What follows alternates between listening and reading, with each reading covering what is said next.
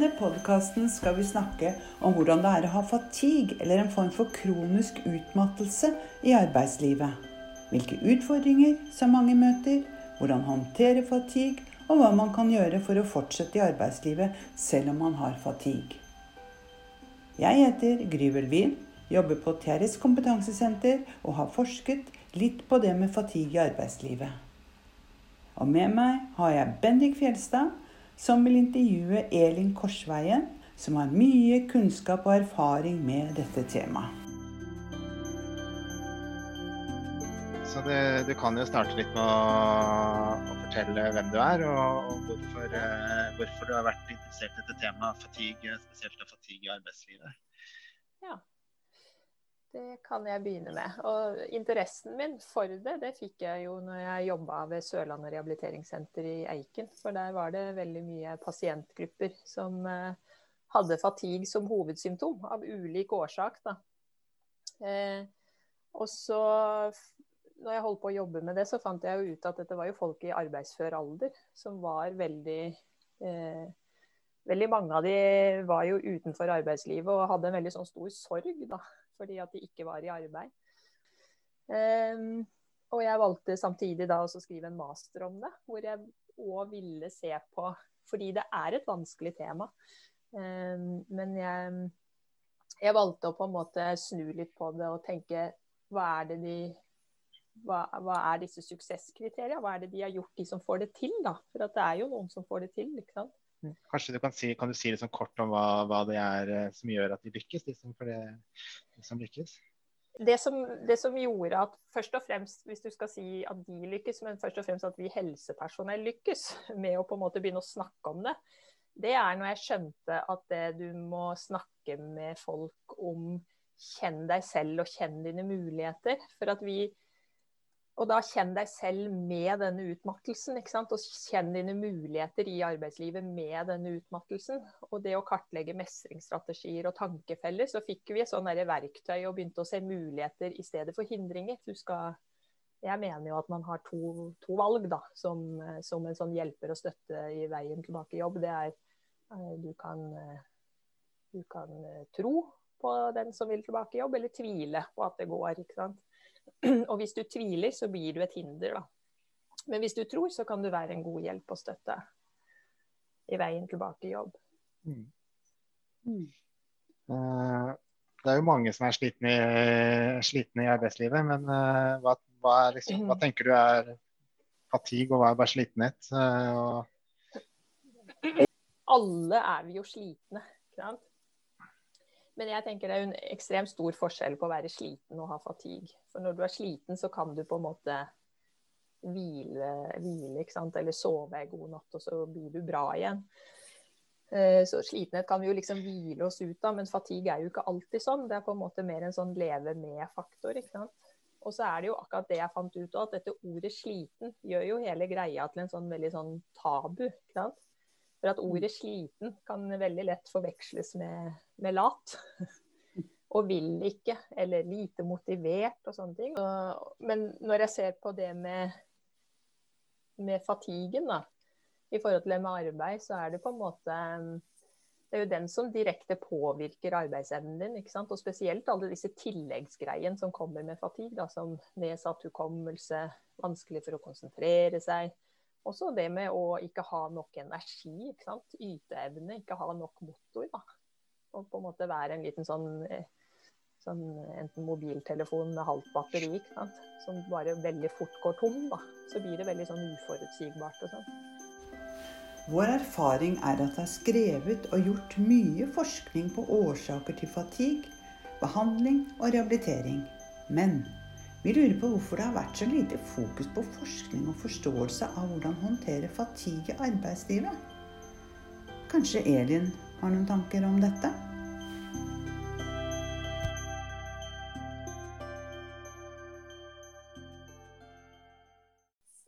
Altså, jeg tror at det, det, er jo en sånn dårlig kombinasjon da, med det med arbeid. Og så tenker jeg at man kanskje har noen sånne tankefeller om at da går det ikke, så man prøver ikke heller. ikke sant? Kanskje man ta rehabiliteringsforløp og så snu det litt sånn opp ned, føler jeg. Ja. For det handler om lite nok, eh, bruke lang tid. ikke sant? Alt som er helt motsatt av hvordan vi har rigga systemet vårt, rigga Nav-systemet, rigga helsevesenet. Alt skal være raskt i dag. ikke sant? Det skal gå veldig fort.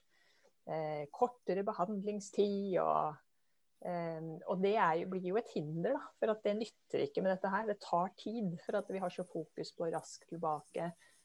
Og du skal jobbe så mye du kan, og du skal yte. ikke sant? Og så, og så gjør det at det, folk havner helt ute av arbeid.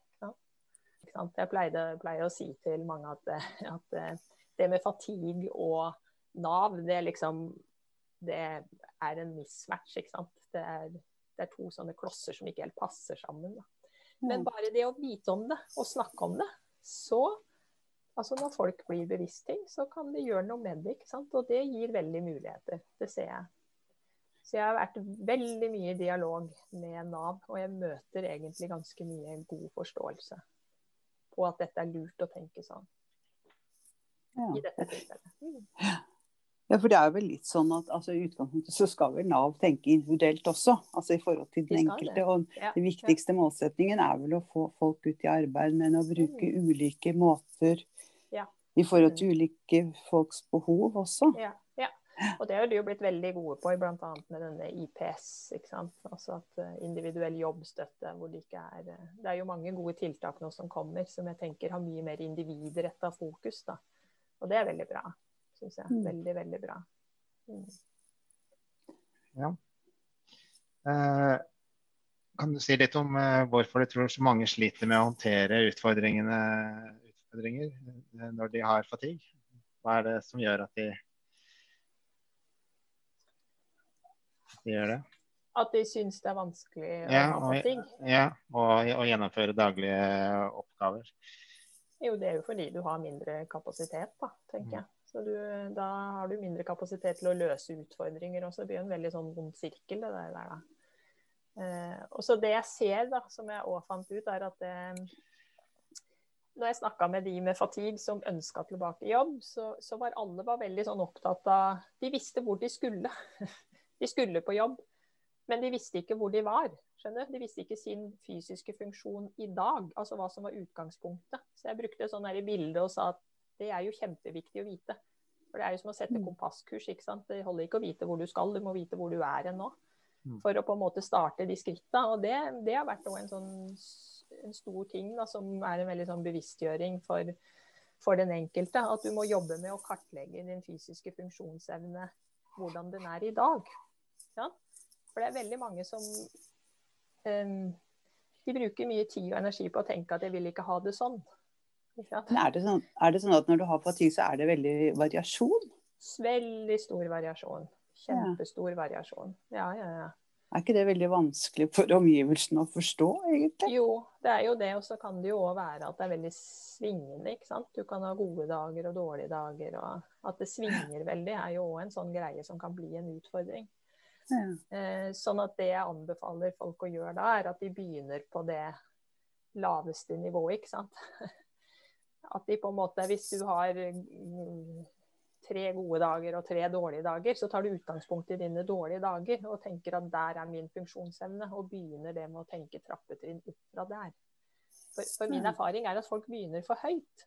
Og det tror jeg noen ganger òg så, så Når de skal begynne i jobb, så det er veldig mange som de har så lyst til å komme i jobb at de begynner liksom, de, de blir veldig ambisiøse.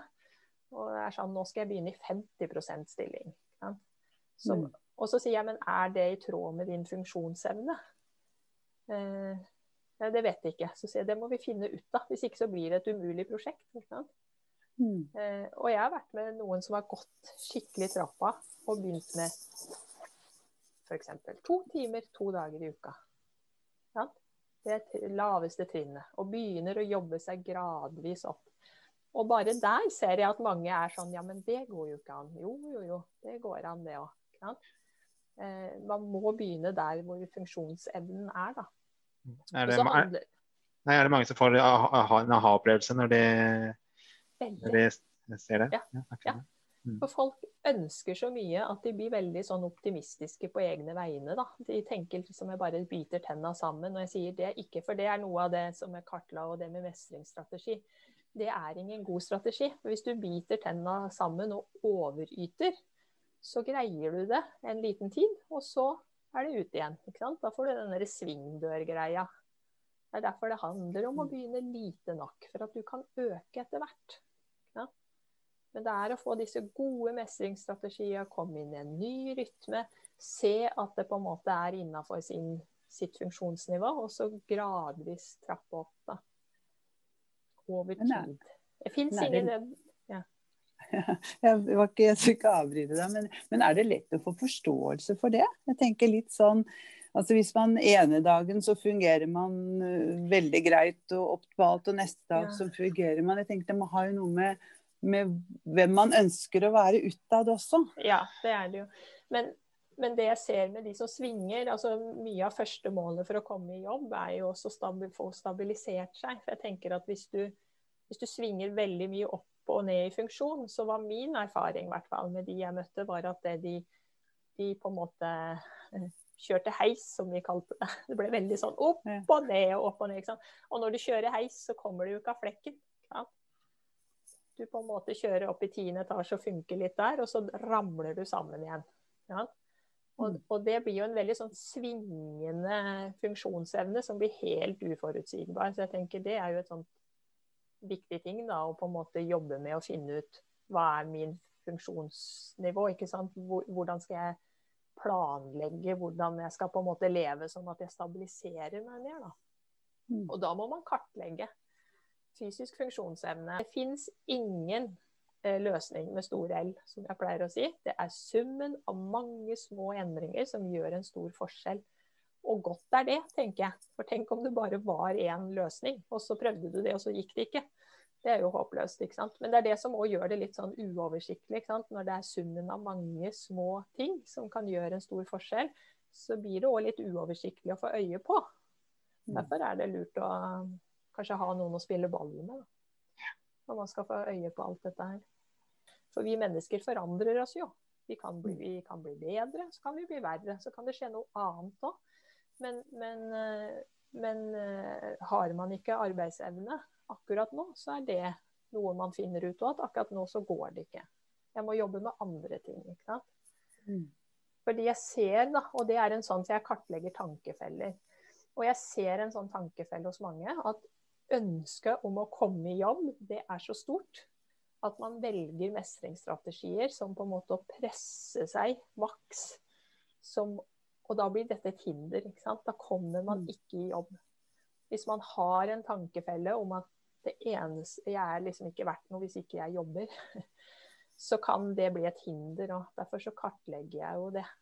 Tankefeller man har, altså tanker man har om arbeid. Eh, og betydningen av det. Da, og på en måte hvor mye knytter du opp din verdi da, som menneske opp i det. Mm. For da kan det bli et hinder, og det er jo en nyttig prat å ha. Ja, snakker litt om det. Jeg bare tenker på å snakke litt om det med arbeid òg. Men ja. uh, hvordan, uh, hvordan uh, kan man snakke om dette her både med arbeidsgiver og kolleger rundt? Kolleger? Ja. jeg tenker Et sånt tips som jeg har til mange, er når de skal begynne å snakke med Eh, altså Har du kolleger, så har du kanskje jobb, da, tenker jeg. Men, men eh, hvis du står helt utenfor, så tenker jeg det å begynne å snakke med Nav og, og eventuelt fastlegene om at jeg ønsker tilbake jobb. Ja? Begynne å snakke om det høyt. Eh, også det som er, da, som jeg syns er så spennende, er at det, vi, det arbeidslivet vi er i nå Og det gir jo enormt mye muligheter. Fordi veldig mange som jeg hjalp med å få tilbake i arbeid, der var på en måte en sånn eh, spørsmål om tilrettelegging hos eksisterende arbeidsgiver var f.eks. hjemmekontor. ikke sant?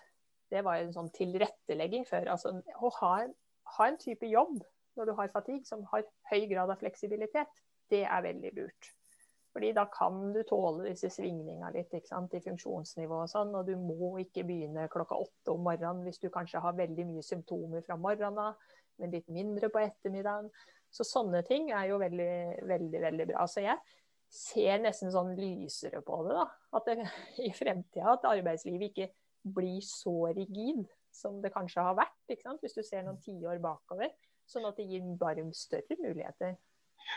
Hva, hva, tenker du en som har uh, fatigue, og hvordan den burde gå fram for å, for å få disse tilretteleggingene og for å, få, for å få disse mulighetene for å holde seg i arbeid? Nei, altså Hvis du har, eh, har du en arbeidsgiver For det jeg òg fant ut, var at den mest fleksible personen når det gjaldt å komme tilbake i arbeid, hvis du hadde en arbeidsgiver, da, det var arbeidsgiveren sjøl.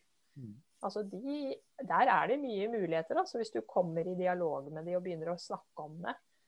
Eh, det som jeg hadde hatt et sånt, det som er veldig lurt, er å på en måte ikke Hvis du har en tankefelle at 'jeg må jobbe', og eh, 'jeg må jobbe mye', og du presser deg så du blir sånn der, det blir sånn svingdøreffekt, som jeg sa. At du kommer tilbake i jobb, og så ramler du ut igjen, og så kommer du inn.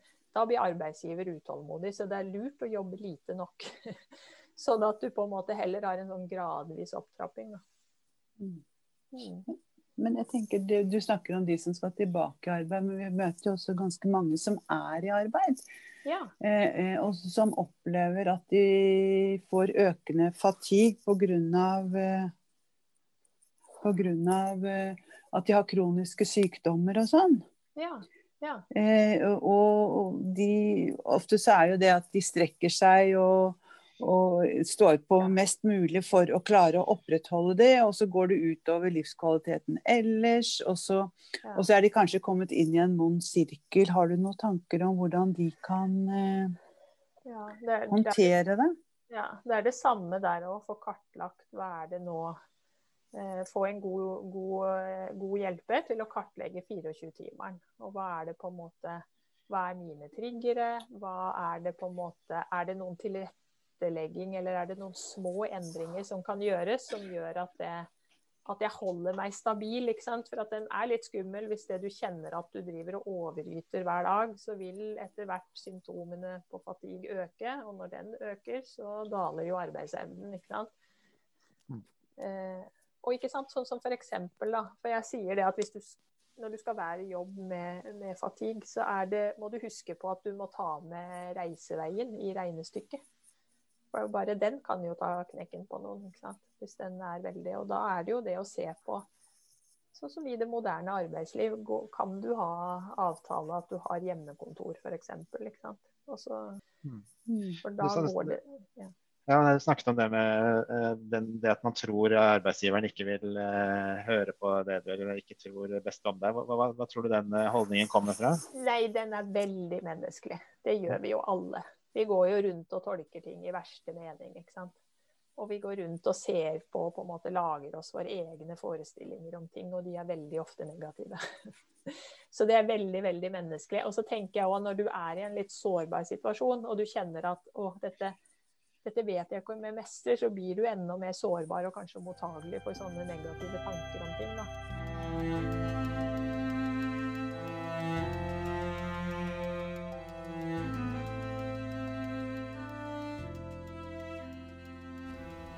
Tusen takk til deg, Elin. Nå har Elin Korsveien snakket om både utfordringer og muligheter ved fatigue i arbeidslivet. Men kanskje vi kunne utfordre henne til å kort oppsummere noe av det hun tenker er viktigst for folk som opplever fatigue, og som har lyst til å jobbe. Nei, det første du må gjøre, som jeg ser veldig mange har hoppa bukk over, det er å kartlegge din funksjonsevne og arbeidsevne. Og da samtidig kartlegger man jo, for det er en del av det, hva er dine triggere. Ja? Mm. Og så må du begynne å se på livet ditt i en sånn 24-timers perspektiv. Da, for det nytter ikke å bare tenke jobb de timene du er der. Du må se på din funksjonsevne og hvordan du funker 24-7. Og så er det å Når du har kartlagt hvor du er, så er det jo å akseptere at det er der jeg er. Ikke sant? Mm. For det er veldig mange som bruker veldig mye energi på å ønske at de ikke hadde det sånn. Mm. Eh, og det sluker òg veldig mye energi. Så ting er som det er som det er. Ikke sant? Det er her vi starter. Og så er det ei lang reise, men du skal bare ta et skritt av gangen. Og det er òg viktig å huske på. Alle lange reiser begynner med at det er de samme skritta som skal gås. Um, og det er å tenke på det som en sånn trapp. Mm. Um, og hvis du på en måte kartlegger og tror at jeg kan greie en 40% jobb, så sier jeg bra. Da begynner du på 20. Det er å begynne lite nok. Det er veldig viktig å huske på. Det er en suksessfaktor. Um, og så er det jo på en måte også å se etter mulighetene. Jeg tenker Dagens arbeidsliv har masse fleksibilitet og muligheter. Så ikke begynn å telle alle hindre, for de er der. De kommer til å være der i framtida. Men se etter muligheter. Og så begynner du å snakke med alle rundt deg. For man vet òg at 50% av de som får jobb i Norge i dag, de får det jo ikke ved å søke på finn.no eller Nav. Det er via nettverk og sånne ting. Og så må du få deg gode støttespillere. Um, ikke vær veldig skeptisk til sånne arbeids- og inkluderingsbedrifter. Veldig mange som jeg snakker, om, snakker med, får veldig god hjelp og støtte der. Så bruk de. Og så er det å ikke gi opp, for du kommer til å tryne litt på veien. og da pleier jeg å si da må du være din egen gode venn. Klappe deg sjøl på skulderen og si at OK, nå gikk det noen skritt tilbake, men så er det å brette opp erma igjen. ikke sant? Mm. Så, så, det er en lang vei å gå. Men jeg har sett så mange som lykkes. Og så er det på en måte å, å stoppe i tide da, på den prosenten som du ser funker for deg. Og der er det òg en liten sånn akseptprosess og sorgprosess, kanskje, hvis man hadde drømmer om noe helt noe annet. da. Eh, men, men det er veldig viktig å matche den jobbprosenten med din fysiske funksjon. Da selv om du skulle ønske noe annet. Mm.